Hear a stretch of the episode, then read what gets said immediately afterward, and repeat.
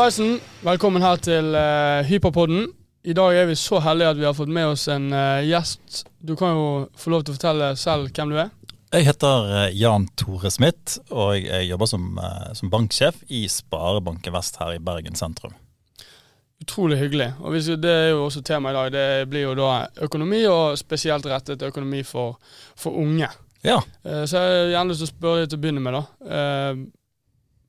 Hvorfor må økonomi være et så tabu tema? Ja, Det er et interessant spørsmål. Eh, det jo, at, det, er et tabu tema, det, det, tror jeg eh, rett og slett ikke er noe tvil om. Jeg kan jo fortelle en kort historie om, eh, om oss sjøl i banken, der vi ønsket oss å forbedre oss på, på hvordan vi møter kunder som går gjennom et samlivsbrudd. Vi har jo klart en del sånne saker, det er økonomi som skal, skal deles i to. Eh, og det kan ofte være utfordrende saker. Og For at vi skulle bli bedre på dette, her, eh, så leide vi faktisk inn en, en psykolog eh, for å coache oss på, på, på, hvordan vi best møter den kundegruppen. Han var ganske tydelig på at økonomi det er på en måte et av de siste tabuene vi har. Da. Og det er gjerne et større tabu enn enn andre områder som man tenker er mer tabu, da, for å si det sånn. Eh, så, så, så det, det, er det, men sånn trenger det ikke å, å være. Eh, og jeg tror eh, de aller fleste kan være tjent med å diskutere økonomi mer åpent. Ja. ja. jeg personlig har jo også, er jo ung ennå, forhåpentligvis. Eh, og driver jo og sparer og syns at det er, er viktig. Um, og så har jeg lært det tidlig at det, det å spare i fond det skulle være viktig å, gjøre at du sparer på en mer fornuftig måte. da. Mm. Men akkurat nå, sånn som mange av vennene mine også, så sitter jo de fleste fond grunnet eh, økonomien i, på verdensbasis, så står de på rødt. Ja, ja og det, det, er sånn at Først og fremst må jeg berømme deg for at du, tar, uh, at du er flink til, til å spare. Det, det, er viktig. sant? Og I enhver økonomi, uansett hvor stor den uh, er, så vil det av og til dukke opp Eh, utgifter som man kanskje ikke hadde regnet med. Sant? Og Da kommer det å ha noen kroner eh, på en egen konto godt, eh, godt med. Sant? Og Det er gjerne det som er årsaken til at, til at mange klarer seg bra, mens de som ikke gjør det, fort kan få problemer når de kommer i en sånn situasjon. og det vi bl.a. ser på når vi vurderer en, måte, en kunde sin økonomi som kanskje skal søke om sitt første boliglån, det er jo at vi ser på historikken. Sant? Hvor flink har denne kunden vært til å spare? Kanskje ikke beløpet i seg sjøl er avgjørende, hvor mye man faktisk har spart, men liksom denne viljen man viser ved å prioritere og sette noe av til fremtidig forbruk, fremfor å bruke de her og nå. Sant? Det viser på en måte en, en vilje og en disiplin. da. Eh, og eh, eh, kanskje man ikke har eh, alle de andre parameterne helt på plass, men vi velger kanskje likevel å innvilge søk, søknaden fordi at vi ser at her er det en som på en måte har, ja, eh, har den disiplinen som kreves for å håndtere et lån. Eh, men det du snakker om i forhold til, til fond, så er det en litt sånn annen, eh, annen greie. Sånn. Det er en av mange måter å spare på. Mm. Eh, og eh, det er et, et spareprodukt som, som, som, vil svinge over tid. sant? Så er jo det tanken det at tiden skal være til din hjelp, og at eh, ved å stå gjennom disse svingningene, så vil man få en bedre avkastning til slutt. Eh, men skal, skal man eh, spare i fond, eller ikke minst hvis man skal gjøre en, en, større plassering i et fond, så bør man helt klart snakke med banken eh, og en rådgiver som, som kan faget. Eh, og så er det også sånn at hvis man, hvis man sparer i et fond, så kjøper jo man andeler i fondet over tid. Og så er jo det sånn i fond som det er med alle andre varer, man ønsker å kjøpe det billig og selge det dyrt. Mm. Så det at markedet har falt litt nå, det betyr jo det at du får kjøpt andeler billigere, som forhåpentligvis får en høyere verdi fram i tid. sant? Ja.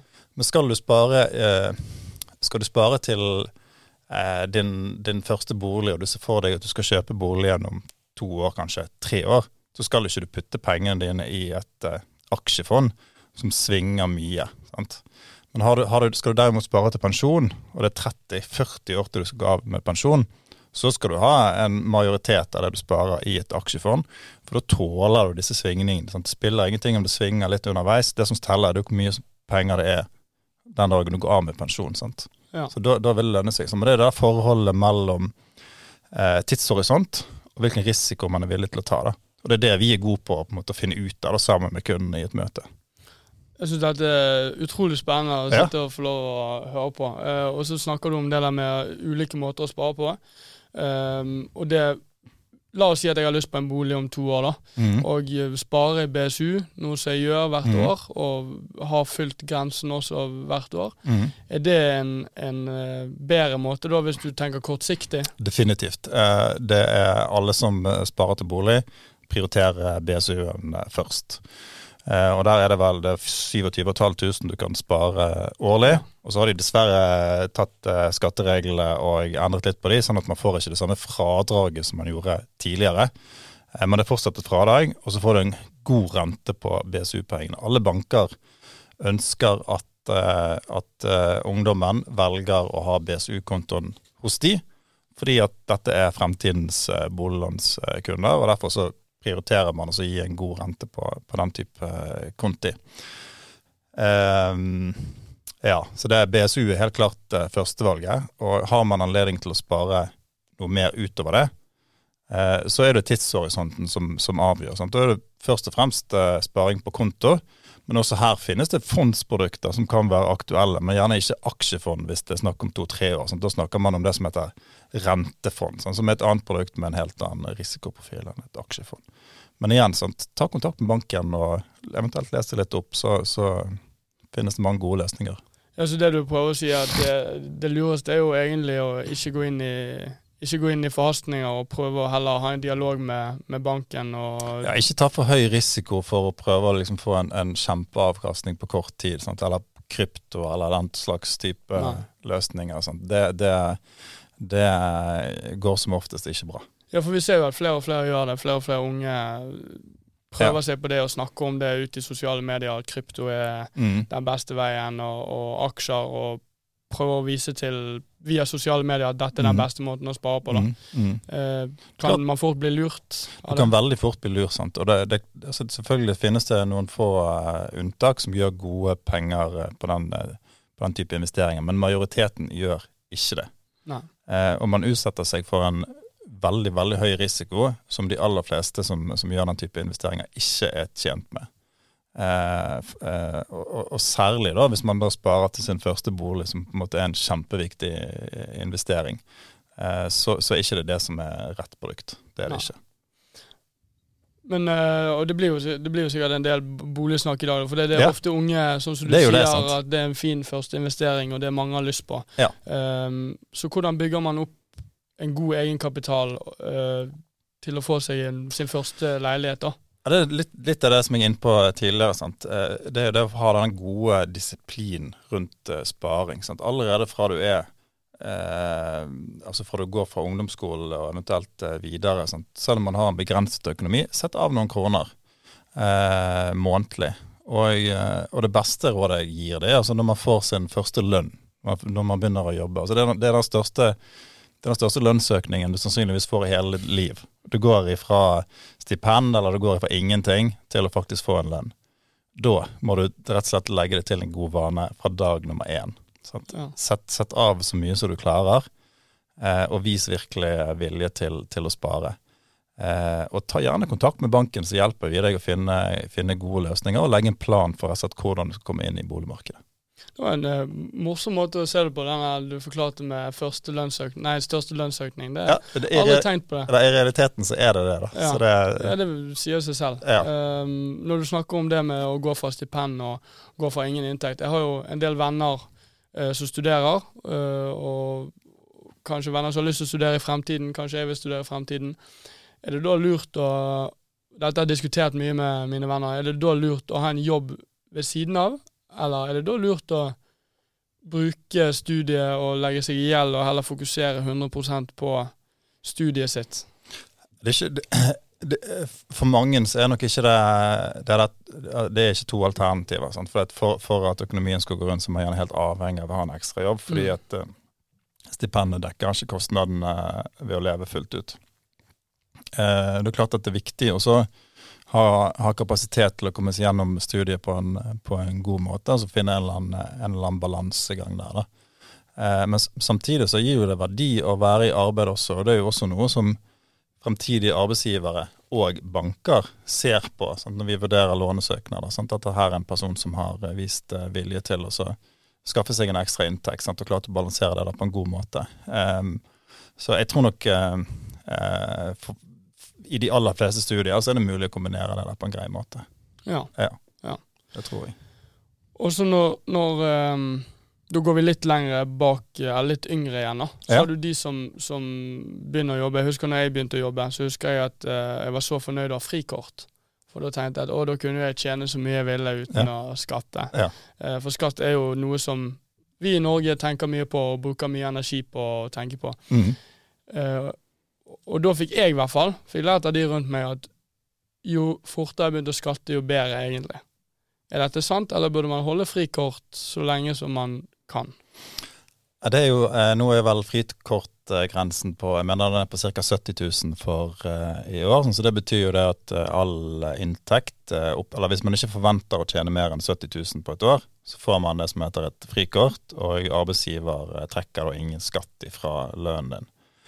Og Kommer du da over den frikortgrensen, så, så, så, blir de tvunget til å trekke skatt. Sant? Og da trekker vel ganske mye. Jeg tror de trekker opp mot 50 gitt at man ikke da skaffer seg et nytt eh, skattekort. Men så er det sånn at eh, eh, altså det, det, vil alltid være mer lønnsomt å tjene mer, selv om du må betale litt skatt. Sant? Så tjener du 71 000, så, så tar ikke de hele den tusenlappen ekstra i skatt. Det er kun, kun, deler av det. Så er det et progressivt system der man, jo mer man tjener, jo høyere andel skatt eh, må man eh, betale. Eh, så, så, det, vil alltid være, jo, altså det vil alltid være lønnsomt å tjene mer, da, for å si det sånn. Ja.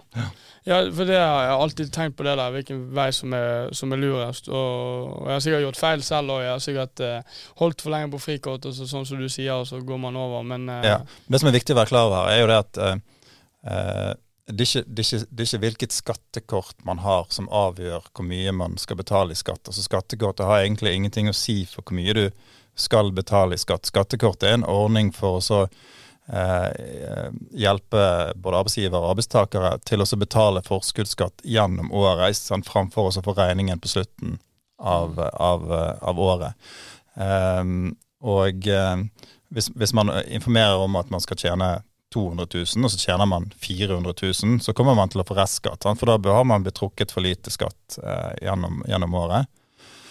Eh, så, så det, det, beste er å prøve å gjøre et så kvalifisert overslag som mulig i starten av året på hvor mye du kommer til å tjene, og så er det det nivået man legger skattekort på. Så det her er jo enkelt å gå inn på skatteetaten sine hjemmesider, og så kan man bestille nytt skattekort hvis man ser at det man har fått tilsendt er feil. sant? Ja. Og det man får tilsendt er jo myndighetene sitt eh, beste estimat på hva inntekten din kommer til å være. Og det er jo basert på gamle tall, sant? som ikke nødvendigvis er riktig. For du kan jo være i en helt annen situasjon i år enn det du var i fjor eller året før. Ja. Så sjekk eh, skattekortet, og endre det hvis, hvis, hvis du ser at informasjonen står der antageligvis er feil. Ja, for det er jo mye finere å få igjen enn å Det er litt kjekkere, det, altså. sant? Ja, så kommer det jo gjerne litt sånn før sommeren, så da, da man trenger jo penger da også.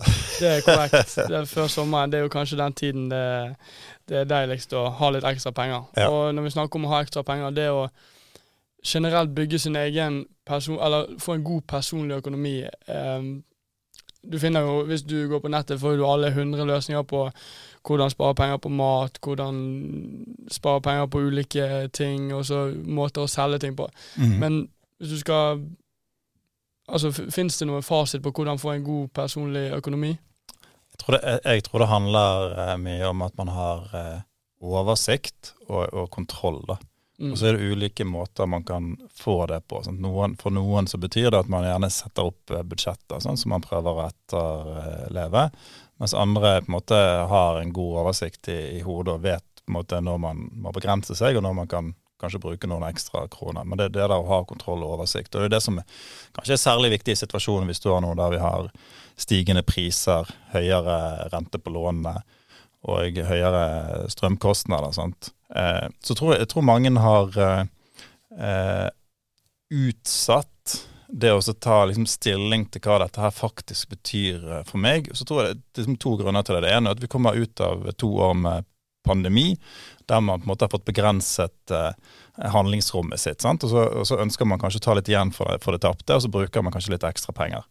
Det, det er det ene. Og det andre er at eh, nå har det akkurat vært eh, altså, jul.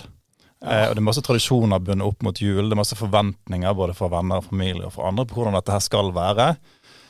som det er vanskelig å bryte med. sant? Men så nå kommer januar. det er starten på et nytt år. Og nå er det nok mange som sitter og så, måtte prøve å skaffe seg kontroll og oversikt da, for ja. å møte det nye året på, på en god måte. Så det er et godt tidspunkt å gjøre det på. Absolutt. Og så er jo ikke det alltid eh, lett heller. Nå ser jo jeg eh, som liker fotball, f.eks. ser jo at bare på Viaplay eh, Premier League-prisene stiger, og det er jo ikke det eneste som stiger. Det meste har jo steget det siste halvåret. Ja. Eh, om du har bil, eller om du vil på ferie eller reise, eller bare mat generelt. Mm. Um, og det tror jeg er veldig vanskelig for mange å forstå hva det som egentlig skjer. Ja. Hva er det som skjer med økonomien akkurat nå? Ja, Hvis jeg skal prøve å forklare det på eh, en eh, enkel måte, da, så er jo det eh, Krigen i, Ukraina har jo skyld, for, skyld til mye av dette her. Den fører til at, at prisene rett og slett stiger, for det blir mangel på en del varer, og sånn særlig da på energisiden. og det, det, fører til det vi kaller for inflasjon. Sant? Høy, høy prisstigning. Og hvis man skal få bukt med, med, den høye inflasjonen, så må man gjøre noe med eh, folks mulighet til å bruke penger. Så man må rett og slett trekke tilbake kjøpekraft, sånn, mm. sånn at folk får egentlig dårligere råd. Eh, og det, det, gjør jo man da ved å øke rentene. Sant? Det er det Norges Bank har gjort. Eh, nå var det rentemøte i dag. Da bestemte de seg for ikke å øke renten. Ja, det så jeg. Eh, ja. Det så jeg. Og så sier de det at eh, de ser for seg en ny renteøkning i, i, mars, mens i fjor så var det en rekke renteøkninger. Sant? Det er også større renteøkninger enn, enn det vi vanligvis ser liksom, i en engang. Uh, og da får folk dårligere råd. Og det, det, er selvfølgelig dumt, men det er litt av det, det er faktisk det som er intensjonen bak disse renteøkningene. Det er å dra ned kjøpekraften, og på den måten tar man ned etterspørsel og når etterspørselen går ned, så må tilbyderne sette ned prisene sine. Ja. Og, ned, og, da får de selvfølgelig en dårligere inntjening. Eh, og Så kan det bli en konsekvens av dette her at, eh, at eh, når bedriftene har dårligere inntjening, så er det ikke sikkert at alle bedriftene overlever. Og Så kan det spille seg ut i at man kanskje får en økning i arbeidsledighet. Og Der er ikke vi nå. Eh, I Norge så er det sånn at eh, arbeidsledigheten er svært, svært lav. Ja, det ser jo, det ser jo vi òg at eh, både her vi jobber og at vi får svar fra, fra, Nav og ulike tjenester på at nå er, det, nå er det arbeidsledighet, og det skal være mulig for de fleste å få jobb. da. Ja, ja. Eh, så det er jo kjekt å høre, men ja. det er jo ikke kjekt på måten det har skjedd på. Eh, Nei. Dessverre. Nei, det er ikke det. sant. Eh, men så skal man også huske på at hvis man ser da spesielt på, på renten, da, så har vi hatt nå en lang periode med svært lave renter. Sant? og Det er heller ikke normalt. Sant? Det, det nivået vi vi er på nå, er nok mer normalt sant, hvis man ser på dette her over en, over en lengre periode enn det vi kommer fra. Mm. Eh, så, så, jeg tror nok man må venne seg til at eh, den tiden med, med, veldig lave renter og eh, boligpriser som bare vokser og vokser og vokser år for år, at den er nok eh, kanskje over for, for en periode. Ja. Og når du snakker om eh, boligpriser, så er det mange unge som, som, som vi snakket om i sted, som har lyst til å få sin første leilighet. Men mange, hva er reglene egentlig på lån? Hvor mye kan man ta opp, og hvem er det som får lov til å ta opp lån? Ja, det, det, det er et godt og ganske, ganske stort uh, spørsmål. Uh, det er jo sånn at uh, alle bankene de er pålagt å følge eh, myndighetene sine regler da, i forhold til hvem man kan gi lån til, og hvilke krav som, som stilles. Og Det som regulerer dette her på en måte i størst grad for bankene, det er noe som heter uh, utlånsforskriften. Som er en sånn forskrift som eh, Finansdepartementet har laget, som alle bankene må, må følge. Sånn, den har, eh, den har du kan vel egentlig si at den har fire hovedpunkter da, som man må være innenfor. Du har, du, har, noe som heter gjeldsgrad, som er et, et forholdstall mellom inntekten og hvor mye gjeld en kunde har. Sant? Så hvis man har da, for å bruke noen enkle tall, hvis man har inntekt på 100 000 og har gjeld på 500 000, så har man en gjeldsgrad på 5. Og det er det maksnivået som de har satt. Sant? Man må ha en gjeldsgrad innenfor 5.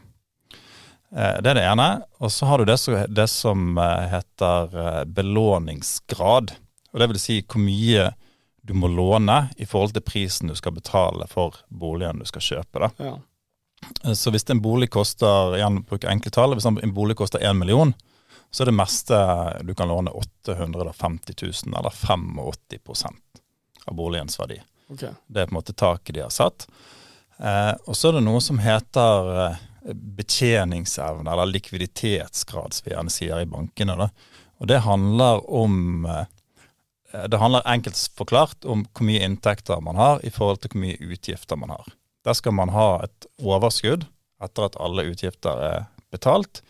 Og I tillegg så er det et krav om at man skal tåle en økning i renten. Ja. Eh, og Det som er fint i år, det er at eh, man har, eh, myndighetene har redusert det kravet da, for hvor mye renteøkning man, man må tåle. Eh, de siste årene så har det lagt på 5 prosentpoeng. Eh, så det vil si at hvis du tar opp et eh, lån på, på en million, så må du eh, ha god nok økonomi til å betale renter og avdrag på det lånet. Men i tillegg så må du ha god nok økonomi til å tåle at det, det lånet får en rente som er 5% høy, prosentpoeng høyere. Og det utgjør 50 000 i året sant? Ja. per million du sitter med i gjeld. sant? Eh, Så det er klart at det har en stor innvirkning på, på, på, vår eh, vurdering av en kunde sin eh, evne til å sitte med lånet. Eh, og så er det noe som heter et sånn avdragskrav. da, og Det, det vil si at eh, eh, det finnes regler for hvor mye du må betale ned på lånet hvert år. Eh, den første regelen er at hvis du låner mer enn 60% av eh, prisen på boligen, eh, så må du betale avdrag. sant? Du kan ikke velge å kun betale renter. Okay. Eh, og i tillegg så er det sånn et krav om at du må betale ned 2,5% av saldoen på lånet årlig. Og Det vil si at det meste du, lengste tiden du kan betale tilbake igjen på, det er 30 år. da. Ja. Så det er på en måte de kriteriene som, som myndighetene setter til, til bankene. Men så er det sånn at eh, bankene har også anledning til å avvike fra disse reglene i 10% av lånet som vi gir, eller 10% av lånevolumet. Eh, og i den grad eh, bankene avviker fra forskriften, så er det typisk for oss å hjelpe førstegangskjøpere inn på markedet. Ja. Det, det, det, de aller bankene prioriterer nok det høyest eh, på avvikskvoten sin. Eh, men så er jo det andre veier eh, til rom også. Eh, det, det, altså hvis, man, hvis man ikke møter alle disse kravene, så kan man eh, enten eh, at, at banken slipper det gjennom som et avvik, men så er det også mange som får hjelp av foreldre Ja. til å komme seg inn på markedet. Sånn, Noen er heldige og får, eh, får kanskje et forskudd på arv eller en gave sånn som, som, eh, som gjør at de kommer seg inn. Eh, mens, eh, mens andre som kanskje ikke har egenkapital de trenger, så har de kanskje foreldre som har en bolig som har en høy verdi. Så kan de låne noen av pengene de trenger med pant i deres bolig, da, Ja. istedenfor den de kjøper. Eh, og så er det noen som, som kanskje ikke har eh, høy nok inntekt til å betjene det lånet som de får. Eh, der foreldre stiller opp, og så er de ansvarlige for deler av lånet da, sammen med, med barnet. Eh, så det, det er flere veier her, men det viktigste eh, er jo det at man har en, eh, en, en jobb og en stabil inntekt. Eh, sant? Da, da er man i posisjon til å ta kontakt med banken, og om man ikke er, er klar for å kjøpe bolig der og da, så kan man i hvert fall sammen med banken sette opp en plan. Ja. Utrolig spennende. og Jeg Ja. tror at det er til god nyttehjelp for både meg og, og, og andre, og masse av dette som jeg ikke personlig hadde visst fra før. Så det var egentlig det jeg hadde. Så jeg må bare si tusen hjertelig takk for besøket. Veldig kjekt å være her. Tusen takk for at jeg fikk komme. Selvfølgelig Og så til dere eh, gjester. Dere ser vi igjen neste uke. Ha det bra.